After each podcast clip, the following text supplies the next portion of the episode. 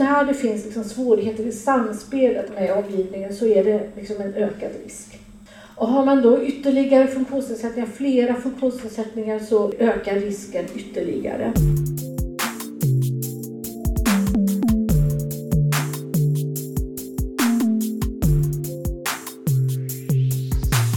Hej och välkommen till FoU-podden. Det här avsnittet är inspelat under en dag om särskild våldsutsatthet bland personer med funktionsnedsättning. Den genomfördes den 14 oktober i Katrineholm och med i det här avsnittet är flera av föreläsarna och förstås arrangörerna, eller två av arrangörerna ska jag säga, Marie Wallin och Lina Larsson. Varmt välkomna! Okej, vi börjar med att ni presenterar er lite noggrannare. Lina Larsson, FoU i Sörmland. Jag är här för min, mitt arbete med uppdraget RSS Kvinnofrid. Marie Wallin, jag är utvecklingsledare på Länsgemensamt regionalt stöd och jag är här för att jag är utvecklingsledare inom funktionshinderområdet men jag har också suicidprevention som jag ser touchar det här också. Och den arrangör som inte hade möjlighet att medverka på grund av sjukdom idag är Länsstyrelsen representerad av Petra Blom. Mm. Och då till den stora frågan. Varför har ni arrangerat den här dagen? För att personer med funktionsnedsättning är en riskgrupp för våld. Ur mitt perspektiv är det mycket för att personer som arbetar med eh, individ och familjeomsorg har inte så mycket kunskap om hur de ska bemöta folk med funktionsnedsättningar. Och när kommunerna börjar liksom breddutbilda om våld så börjar det komma frågor om Alltså börjar det uppmärksammas fler personer från funkområdet också. Och då så kan ni få personalen känna hur gör vi nu? Och det här är en fråga som både har uppmärksammats nationellt att det är så och när FoU som en del av RSS kvinnofridsarbetet gjorde en kartläggning av läget i länet inför den satsningen så var det här en viktig fråga och den stod kvar som en viktig fråga när en pågående satsning startades. Så vi har haft långa diskussioner om förutsättningarna och få till en samverkan. Jag tänkte bara fråga, vad innebär det här nu då att vara särskilt våldsutsatt? Att vara särskilt våldsutsatt, det är att man av något skäl står i beroende relation till andra människor som oavsett om det handlar om att de förser en med någonting man behöver som omvårdnad eller droger eller pengar eller vägar in i samhället. Men att man själv inte har möjlighet att göra allt för sig själv utifrån där man befinner sig. Det kan också vara att man inte har kunskap om samhället, att man inte vet vad man har rätt till. Jag känner att det här blir lite abstrakt. Om man tar några exempel på vad det handlar om. Dagen idag handlar ju om personer med funktionsnedsättning. Men det finns också, man brukar säga att kvinnor i missbruk är särskilt våldsutsatta därför att som grupp, det är samma med funktionsnedsättning, det gäller inte alla, men det gäller många. Att just själva missbruket gör att man riskerar att dels vara i beroende för att man behöver få sin drog eller så. Och så kanske det finns skam och andra saker. Samma sak med människor i prostitution där är det också beroendesituationer många gånger. Det kanske är hot om att visa bilder eller så. Ja, nu kommer jag in på en annan sak också. Att många av de här i särskild våldsutsatthet, de är så sårbara på så sätt att det är människor som behöver, behöver omsorg som Ja, men jag tänker utifrån den här målgruppen, personer med funktionsnedsättning, så är de ju i beroendeställning. Och det är ju i beroendeställning i, utifrån många situationer. Framförallt såklart personal är man i beroendeställning till. Och där är det jätteviktigt att ha koll på att personalen inte utför till exempel tvångsåtgärder, eh, alltså åtgärder som inte har något lagstöd, eh, som är en typ av våld i nära relation. Men personerna kan också vara i beroendeställning till sina grannar, man kanske inte har ett sånt stort socialt nätverk varav de relationerna är väldigt viktiga och det kan också vara svårt att veta hur man säger stopp på ett sätt om en granne eller en arbetskollega eller någon annan som man anser sig vara vän med utsätter en på något vis. På samma sätt är man också i beroendeställning till sina anhöriga eller vänner till familjen. För man har kanske ofta inte ett sånt stort nätverk så vilket gör att man blir mer utsatt. Sen har ju personerna inte heller kanske alltid samma förutsättningar att kunna uttrycka sig verbalt om någonting händer. En del har inte verbal kommunikation. Eh, man kan också ha svårt att uttrycka sig utifrån en kognitiv nedsättning. Och man kanske inte heller har lärt sig var går mina gränser någonstans? Vad är en schysst relation? Vad är okej? Okay? Vad är inte okej? Okay? Och man kanske också lättare blir utsatt om någon kommer med smicker och liksom komplimanger som är i, eh, förklätt till ett, ett form av övergrepp. Så det finns många faktorer i det här. Och sen finns det en, ytterligare en, en, aspekt och det är att man kan använda själva funktionsnedsättningen för att göra någon illa.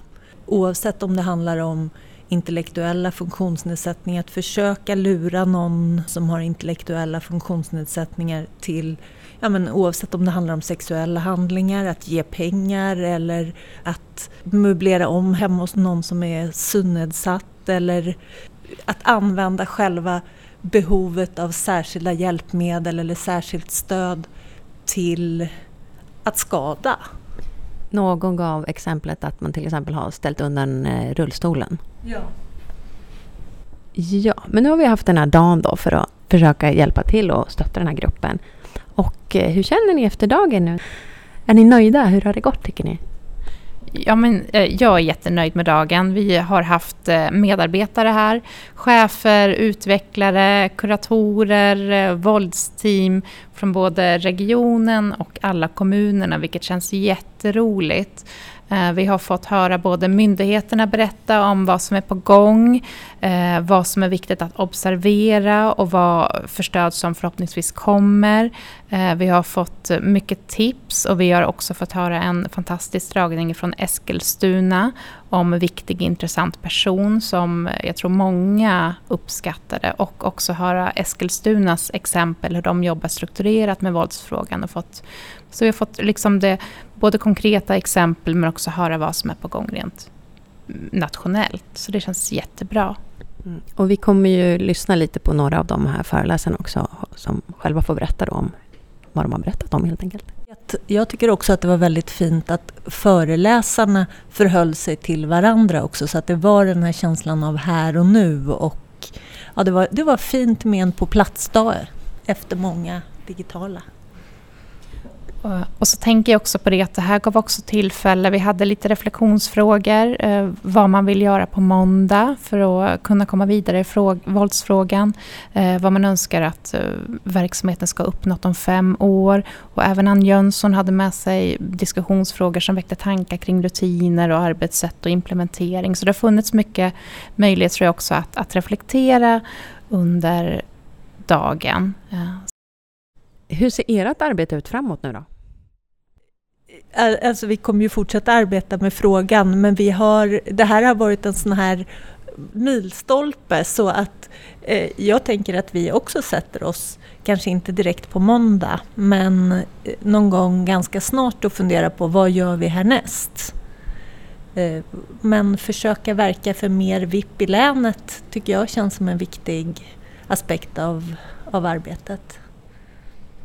Jag instämmer Lina. Det känns som en väldigt viktig aspekt av arbetet. Och också tänker jag att följa upp det som nu är på gång hos IVO och se vad deras uppdrag mynnar ut i. Samma sak Myndigheten för delaktighet, att det måste vi liksom följa upp. Och att eh, också följa lite det som Åsa nämnde, att Eskilstuna nu testar, det vill säga att ställa freda kortfrågor.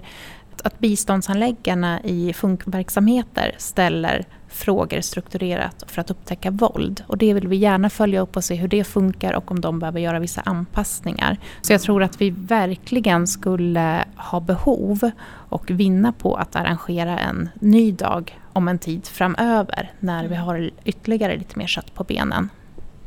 Och jag eh, som representerar regional stöd och samordning vad gäller kvinnofrid och oftast möter personer från IFO i mitt jobb. Jag skulle också vilja att det här kom mer till IFO-sidan för nu var inte IFO här och inte skola heller.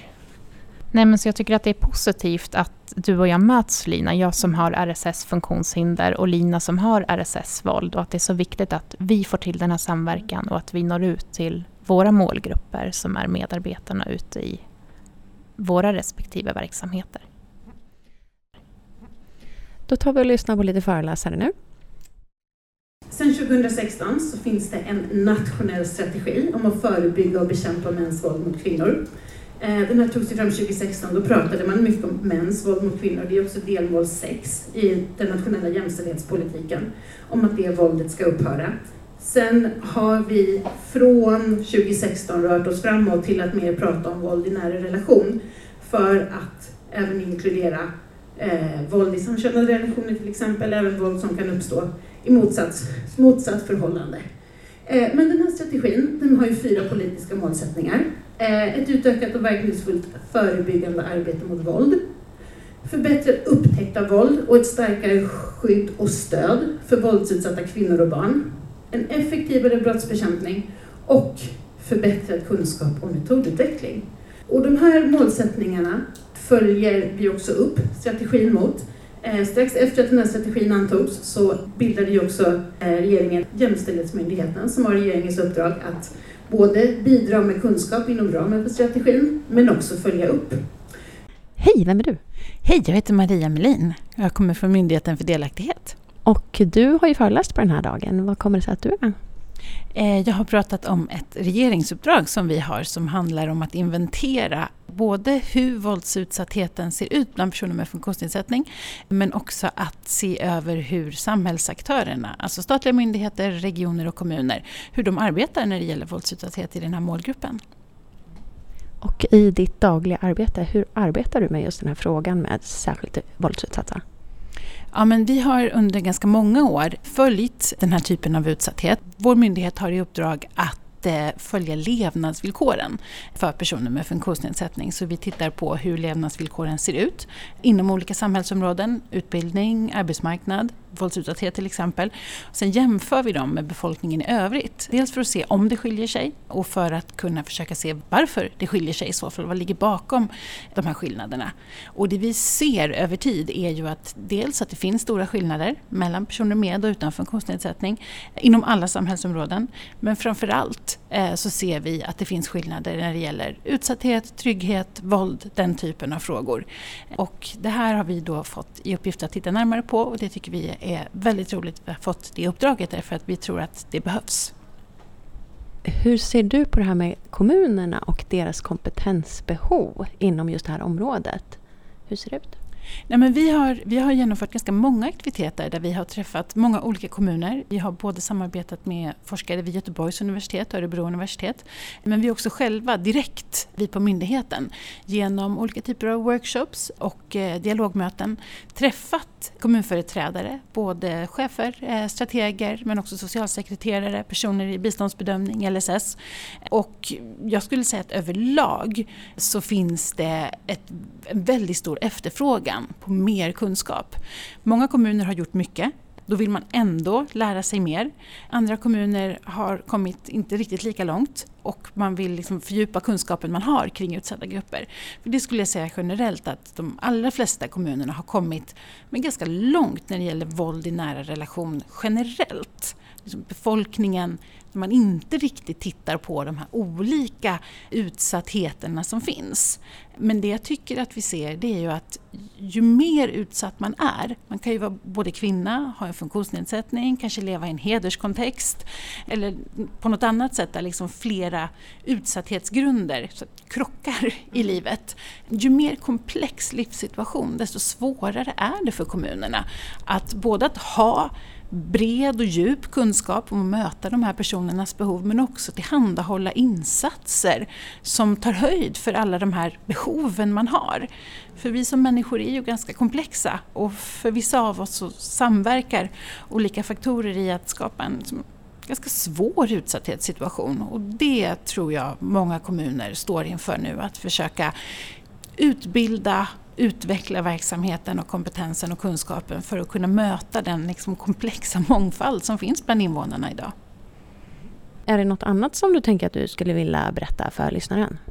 Eh, nej men vi kommer ju att eh, i det här uppdraget vi har att skriva en rapport naturligtvis som i första hand är till regeringen som är vår uppdragsgivare men vi hoppas ju att vi i den ska kunna inkludera mycket matnyttig kunskap som man även kan ha nytta av på kommunal nivå. Så att den 31 januari så kommer den här rapporten och den hoppas vi att eh, många i kommunerna ska vilja läsa och fundera över hur de kan använda den i sina verksamheter. Kanon, tack! Eh, generellt då i tillsynen så behöver fokus bli ökad upptäckt av våld. Och då kommer ju nästa utmaning. Hur tillsynar vi det som inte finns? En sak är ju att begära, så här, vi vill se era akter, nu ska vi granska dokumentationen här på ärenden. Det som finns är ju ändå så här, då finns det och då syns det och då görs någonting. Men det är just i de här fallen, ärendena, eh, verksamheterna där det inte syns vad ska vi granska? Liksom? Hur gör vi egentligen? Hej, vem är du? Hej, hej. Jag heter Maria Björklund. Jag jobbar på Inspektionen för vård och omsorg, IVO, som samordnare av regeringsuppdrag om förstärkt och utvecklad tillsyn när det handlar om våld i nära relationer, mäns våld mot kvinnor och hedersrelaterat våld och förtryck. Mm. Och varför är du med på den här dagen? För att vi har inlett den förstärkta utvecklade tillsynen just kopplat till mäns våld mot kvinnor, våld i nära relationer, mot området funktionshinder. Mm. Och vad gör du egentligen i ditt jobb i just den här frågan? Nej, men jag samordnar tillsynen. Den är ju stor och bred, liksom. den rör över både hälso och sjukvården, socialtjänstens arbete och eh, alla, alla människor och personer liksom i, i vårt land som har kontakt med de här olika myndigheterna och verksamheterna. Och jag eh, samordnar det här regeringsuppdraget som pågår ett par år nu för att se till att vår tillsyn får effekt. Hur tänker du om eh, kompetensutveckling i kommunerna just kring, ja, till att börja med den här frågan då med eh, särskild utsatthet? Mm. Vi har ju tidigare sett i tillsyner, nu är det ganska många år sedan, men så har vi sett att kompetensen behöver stärkas. Så att det är ju alltid så att kompetens, det behövs alltid.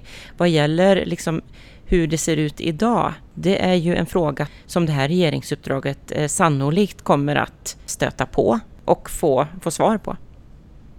Är det någonting mer som du tycker skulle vara intressant att tillägga? Nej, men jag tycker att det är jätteviktigt att vi pratar om de här frågorna. Jag tror att det är det allra, allra första steget. Att sätta bollar i rullning, att vi, att vi börjar prata om den särskilda utsattheten och sårbarheten. Och just när vi får de här stora uppdragen som är eh, väldigt breda och generella så är det så viktigt att vi särskilt riktar blicken mot särskilt utsatta sårbara målgrupper. Annars finns det nog en risk att vi missar det i det stora taget både svenska och utländska studier visar på en högre risk för. Och när det gäller särskilt sårbara grupper så är det ju då barn med psykiska eller intellektuella funktionsnedsättningar som är särskilt sårbara. Eh, man nämner också ibland barn med hörselnedsättningar och man kan egentligen generalisera lite grann och säga att, att där det finns liksom svårigheter i samspelet med omgivningen så är det liksom en ökad risk. Och har man då ytterligare funktionsnedsättningar, flera funktionsnedsättningar, så ökar risken ytterligare. Och det, det är viktigt att hålla i minnet att här finns det då antagligen ett eh, betydande mörkertal. Det här behöver man då verkligen borra lite mer i. För att förmodligen så är det så att de barn som har de, de största svårigheterna har också svårt att delta i den här typen av enkäter. Vi har redan hört att barn i särskolan eh, inte omfattas av de här undersökningarna. Men det kan också vara så att eh, barn och unga som har svårt att se eller fylla i sådana här formulär inte kommer med. Eller att barn som har hörselnedsättningar inte kan svara på telefonintervjuer också. Hej, vem är du? Hej, jag heter Ann Jönsson och jag kommer från Socialstyrelsen. Mm. Och eh, du är ju en av föreläsarna på den här dagen. Vad kommer det sig att du är med här? Eh, jo, jag har varit här idag för att presentera ett uppdrag som vi på Socialstyrelsen har haft eh, från regeringen. Och det handlar om att ta fram ett stöd och informationsmaterial till socialtjänsten, hälso och sjukvården och vi har också inkluderat tandvården om våld mot barn med funktionsnedsättning. Så i ditt dagliga arbete, hur jobbar du med just den här frågan med särskilt utsatta? Ja, vi har ju då haft det här uppdraget och Eh, eh vi har varit en projektgrupp och eh, det här stödinformationsmaterialet innehåller då både kunskap om fakta om våldsutsattheten, vi har tagit fram ett material om att samtala om eh, våld, eh, alltså med barn och eh, vi har också eh, tagit fram ett, ja, ett, ett material till arbetsplatser att kunna använda vid till exempel arbetsplatsträffar, Eh, temadagar, utbildningar. Så att det har varit ganska många olika delar i det här ganska stora projektet som vi har haft. Och den här frågan då med kompetensutveckling inom den här frågan just för kommunerna i Sörmland. Eh, hur ser du på det? Vi har haft eh, ganska många dialoger med socialtjänsten i kommunerna och eh, det som vi har liksom fått höra det är då en stark önskan om att få mer kunskap om de här frågorna och att också eh, kunna arbeta med frågorna. Och man kan väl säga så här eh, utifrån det vi har mött då så, så ser det lite olika ut i landet att eh, en del verksamheter har stött på den här frågan om våld mot barn med funktionsnedsättningar och andra har liksom inte gjort det så det varierar ganska mycket. Och det kan också vara så att verksamheter som jobbar med eh, insatser till personer med funktionsnedsättning. De kanske inte har så mycket kunskap kring våldsutsatthet. Å andra sidan så kan eh, verksamheter där man arbetar med eh, våldsutsatthet inte, kanske sakna kunskaper om funktionsnedsättning. Så det är ofta de här båda perspektiven som behöver liksom föras ihop. Och det är en stark sak som vi har fått till oss under det här arbetet. Det vi hoppas på nu det är ju då att eh, det här materialet som vi har tagit fram för arbetsplatser ska bli till nytta och att det också ska kunna bli användbart i utvecklingsarbete i organisationen och att man börjar prata om de här frågorna i olika verksamheter. Så, så här är VIP-manualen uppbyggd på sex olika teman kan man säga. En introduktion och en avslutning som är, som är ett tema. Men sen är det ju känslor som sen återkommer med en fördjupning. Man pratar om kommunikation, relationer, val och jag. Så det är de olika temana i VIP. Jag tänkte ge lite exempel på vilka metoder man använder i VIP. Jag tänkte börja med att man pratar om Mika. Vi har en Mika i våra grupper och det är en fiktiv karaktär. Mika kan ju vara en han, hon eller hen. Men den här Mika upplever en del svårigheter. Och eh, i samtalen så utgår man då från Mika istället för sig själv och det kan ju möjliggöra till att det blir en annan typ av samtal. Man kanske inte blottar sig själv eller liksom delar med sig lagom mycket om man utgår ifrån någon annan. Alltså vi fördelar ordet på olika sätt i samtal i grupperna. Eh, men det är ju liksom för att möjliggöra att alla i gruppen ska komma till tals eh, ungefär lika mycket. Och om man vill såklart. Vi använder också filmer. Det är en utgångspunkt för gemensam reflektion och diskussion. En funktion med film är ju att deltagarna kan referera till karaktärerna i filmen istället för att referera till sig själva. Och det kan ju göra att samtalen inte blir lika utelämnande. Eh, men lite kort om processen. Vad gör man när man jobbar upplevelsebaserat? Jo, man eh, skapar nya erfarenheter genom upplevelser. Och då gör man ju det här i gruppform. Man eh, upplever någonting nytt tillsammans och delar det med andra i en grupp. Det kan till exempel vara en, en övning eller att se en film tillsammans. Då. Eh, man reflekterar tillsammans över det man har upplevt, den här nya kunskapen. Och sen så får man av ledarna då stöd med att tillföra ny teori, ny kunskap kring det man har sett som då presenteras, som man också förhåller sig till under gruppen. Och det sista steget i den här processen handlar om att man sedan tillämpar det man har lärt sig i nya kontexter, i nya miljöer. Eh, så det handlar ju om att bredda kunskapen till sitt eget liv. Och det här är ett väldigt effektivt sätt att arbeta på. Det är också roligt. Hur vi tänker att det fungerar nu då? Till att börja med så har vi ju ett hälsofrämjande perspektiv. Det innebär att vi fokuserar väldigt mycket på det som fungerar och det som vi, vi i forskning idag vet får människor att må bra. Och vi tänker att en grundtanke är att alla ska ju ha möjlighet att må så bra som möjligt utifrån den, den person man är. Hej, vem är du? Hej, jag heter Linda Winter Wikström. Jag är utvecklare på vård och omsorgsförvaltningen i Eskilstuna kommun med inriktning mot funktionshinder. Och varför är du med på den här dagen? Jag är här för att jag fick med mina kollegor förmånen att berätta om VIP-programmet som är ett eh, förebyggande material eh, för att förebygga våld, mot, eh, våld i nära relationer mot personer med funktionsnedsättningar.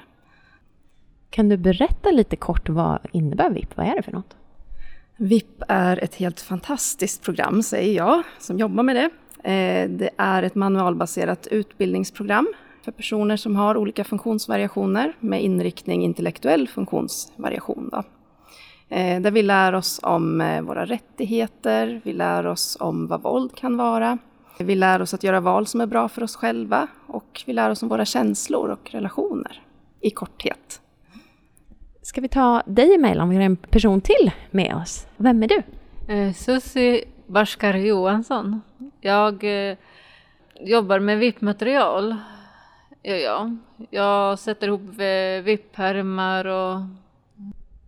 Och eh, vad kommer det sig att du är med på den här dagen då? Eh, för att föreläsa om VIP.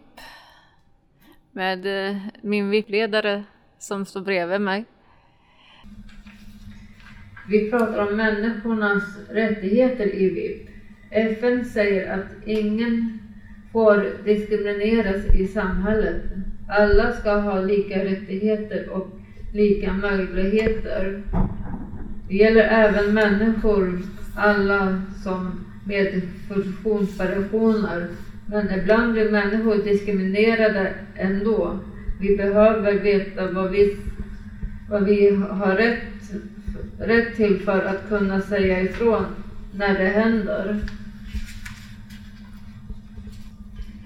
Eh, varje lektion vi tar vi upp rättigheter som människor har, människans rätt har. Eh, jag har rätt att må bra. Jag har rätt att känna mina känslor. Jag har rätt att berätta om mina känslor och be om stöd. Jag har rätt att vara trygg i mina relationer. Jag har rätt att göra saker som jag mår bra av. Jag har rätt att känna att jag, jag är bra. Jag har rätt att vara som jag är. Jag har rätt att bli lyssnad på. Jag har rätt att vara med och bestämma om mitt egna liv.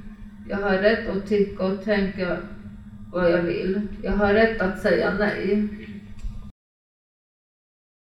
Och vad tycker du, vad är det bästa med att föreläsa om VIP? Att det är roligt. Man träffar mycket nya människor som, eh, ja man, det är intressant. Man eh, kan berätta för folk om VIP, vad det är för något och kan man göra. Finns det någonting som du tycker att personalen kan bli bättre på? När det handlar om, ja till exempel det här med våldsutsatthet och ja, kanske VIP också. Jag tycker allting är bra med VIP och sådär. Det enda som är synd att VIP är så kort tid bara, det är bara 12 gånger. Jag tycker det ska vara mer än 12 gånger VIPen. Men annars är VIP allting, det är jättebra och sådär, man lär sig mycket och sådär. Det är synd bara att den, bara inom här, att det inte gäller alla människor. Att det borde, VIPen borde vara utomlands också, borde man kunna åka dit och föreläsa om VIP och sådär.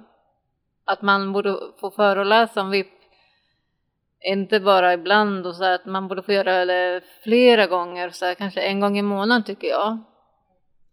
Är det för att du tycker att det är roligt att föreläsa eller för att du tycker att så många behöver kunna det? Eh, jag tycker det är roligt att föreläsa om VIP, tycker jag. Om vi går tillbaka till dig då, Linda. Eh, om du tänker på kommunerna och eh, deras kompetens. Tycker du att det, hur ser det ut med kompetens? Behöver den bli bättre eller är det bra som det är? Eller? Jag tänker att eh, vi i Eskilstuna kommun har ju jobbat väldigt aktivt i flera år med att höja all personals kompetens och medvetenhet om våldsutsattheten. Eh, och när vi är runt och utbildar i VIP så tänker jag att det ser lite lika ut i många kommuner. Man gör ett bra jobb men det finns alltid utrymme för, för ny kunskap och för att förbättra sitt arbetssätt, att både förebygga våld och upptäcka våld och att lära sig att fråga, ställa frågan om våld på ett, ett bra sätt. Och gäller det på alla nivåer då om jag tänker bland medarbetare eller? Det var en svår fråga. Eh, jag jobbar ju riktat mot personal som jobbar brukarnära oftast eh, när vi utbildar i VIP.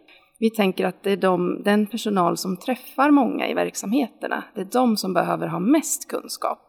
Eh, men för att de ska få tillgång till kunskapen så behöver det också fattas strategiska beslut. Och då tänker jag att det är viktigt att man på olika nivåer har den här kunskapen. Så i Eskilstuna så, så jobbar vi också med att eh, utbilda eh, även chefer och legitimerad personal som sjuksköterskor och arbetsterapeuter till exempel, biståndshandläggare kring att fråga om våld. Eh, och vi försöker var vi än kommer att sprida information om VIP, för vi tycker att det är ett, ett bra och strukturerat sätt att, att jobba med frågan. Finns det någonting annat som du skulle vilja berätta som du tycker är viktigt för oss att veta? Nej, det mesta är ju, vippen är det bästa som finns. Det finns inget annat som är viktigt för mig. Är det.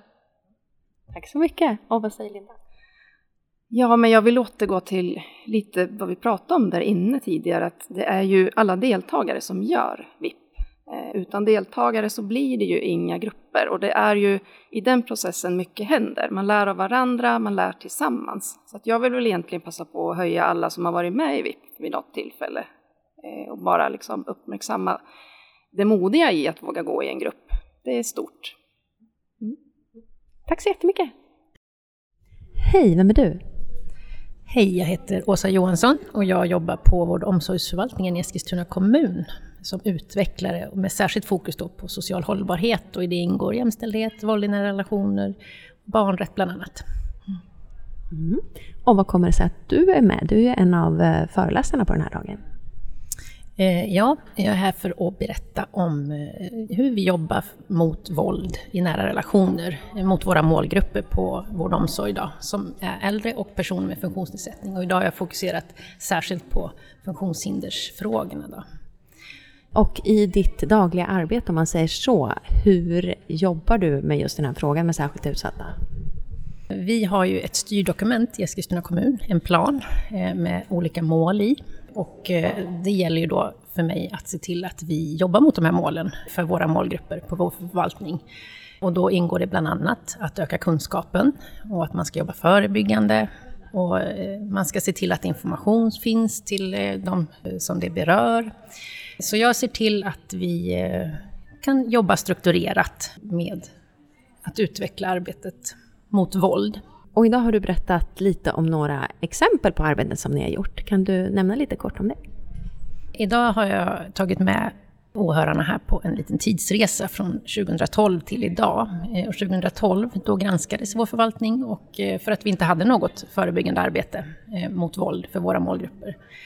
Och utifrån det då så var ju ett av de första stegen att eh, vi började jobba med VIP-programmet.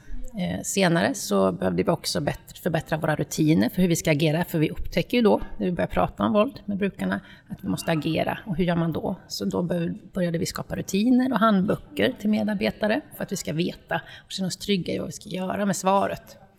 Om det är så att någon berättar att de har varit utsatta för våld.